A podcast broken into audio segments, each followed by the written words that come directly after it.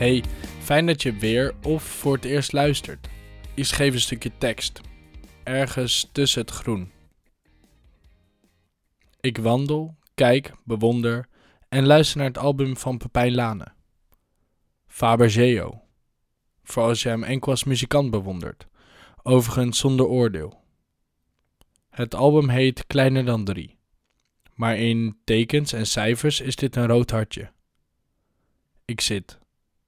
Bankje, stuk gras, waterplanten, beekje, watervalletje. Het Westerpark blijft me verbazen. Een momentje echt even voor mezelf en misschien later ook voor jullie. Nu dus. Hoe zit het eigenlijk met het delen van online momenten? Zijn ze dan nog wel voor mij? Of nadelen eigenlijk van iedereen? Verlies je eigen momenten door ze online te delen. Het houdt me vaker bezig.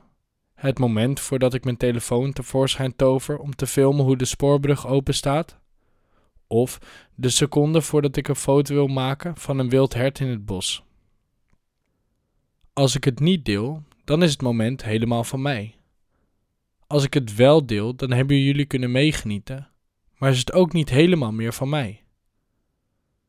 Toch wil ik ook benadrukken dat wij, anno 2020 of 2020 of op welk moment dan ook, en vooral in coronatijd, veel van elkaar meekrijgen. Dus ondanks dat ik vrienden momenteel niet zie, blijf ik toch, of grotendeels, op de hoogte van hun activiteiten.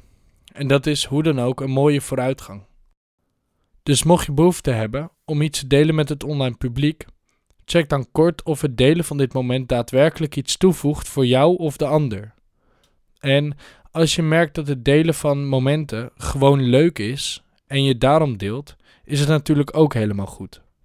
Maar soms zijn gebeurtenissen precies op dat moment waardevoller als ze enkel en alleen door jou op die manier zijn waargenomen. Want niemand heeft het gezien zoals jij en daarom uniek in jouw herinnering.